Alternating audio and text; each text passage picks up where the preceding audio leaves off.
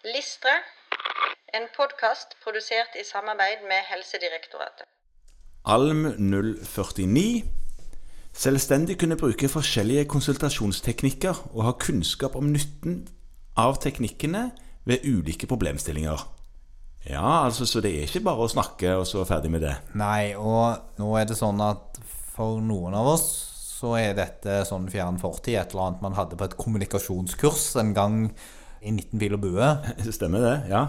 Der man lærte noe om forskjellige kommunikasjonsteknikker. Og så har kanskje det gått litt i glemmeboken. Eh, og det kan det være nytt- nyttig som erfaren fastlege å børste litt støv av. Eh, ikke fordi man nødvendigvis er så dårlig på det, men fordi man kanskje ikke har et så veldig bevisst forhold til det lenger. Det er sant.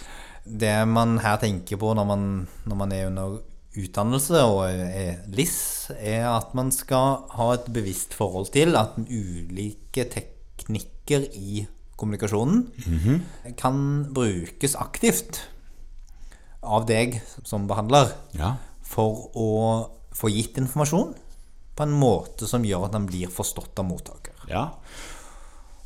Og slik at du kan forsikre deg om at informasjonen er forstått. Ja, hvordan kan du forsikre deg da om det?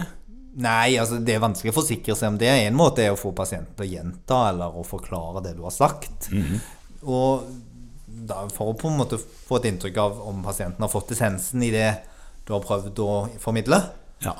det kan være å bruke ulike metodikker for å få pasienten til å komme med sitt budskap. Ja. Mhm. Og dette her er jo Nå skal ikke vi holde på med noen lærebok, men en del av de teknikkene du nå er inne på, sånne sokratisk utspørrende metode, altså åpne spørsmål og den typen ting, er jo sånn som man kan gå på kurs og lære seg, og det er kanskje en del av de anbefalte aktivitetene òg. Ja, det skal tas opp på kurs, og det skal drøftes grundig i gruppeveiledningen. Der tas dette ofte grundig opp.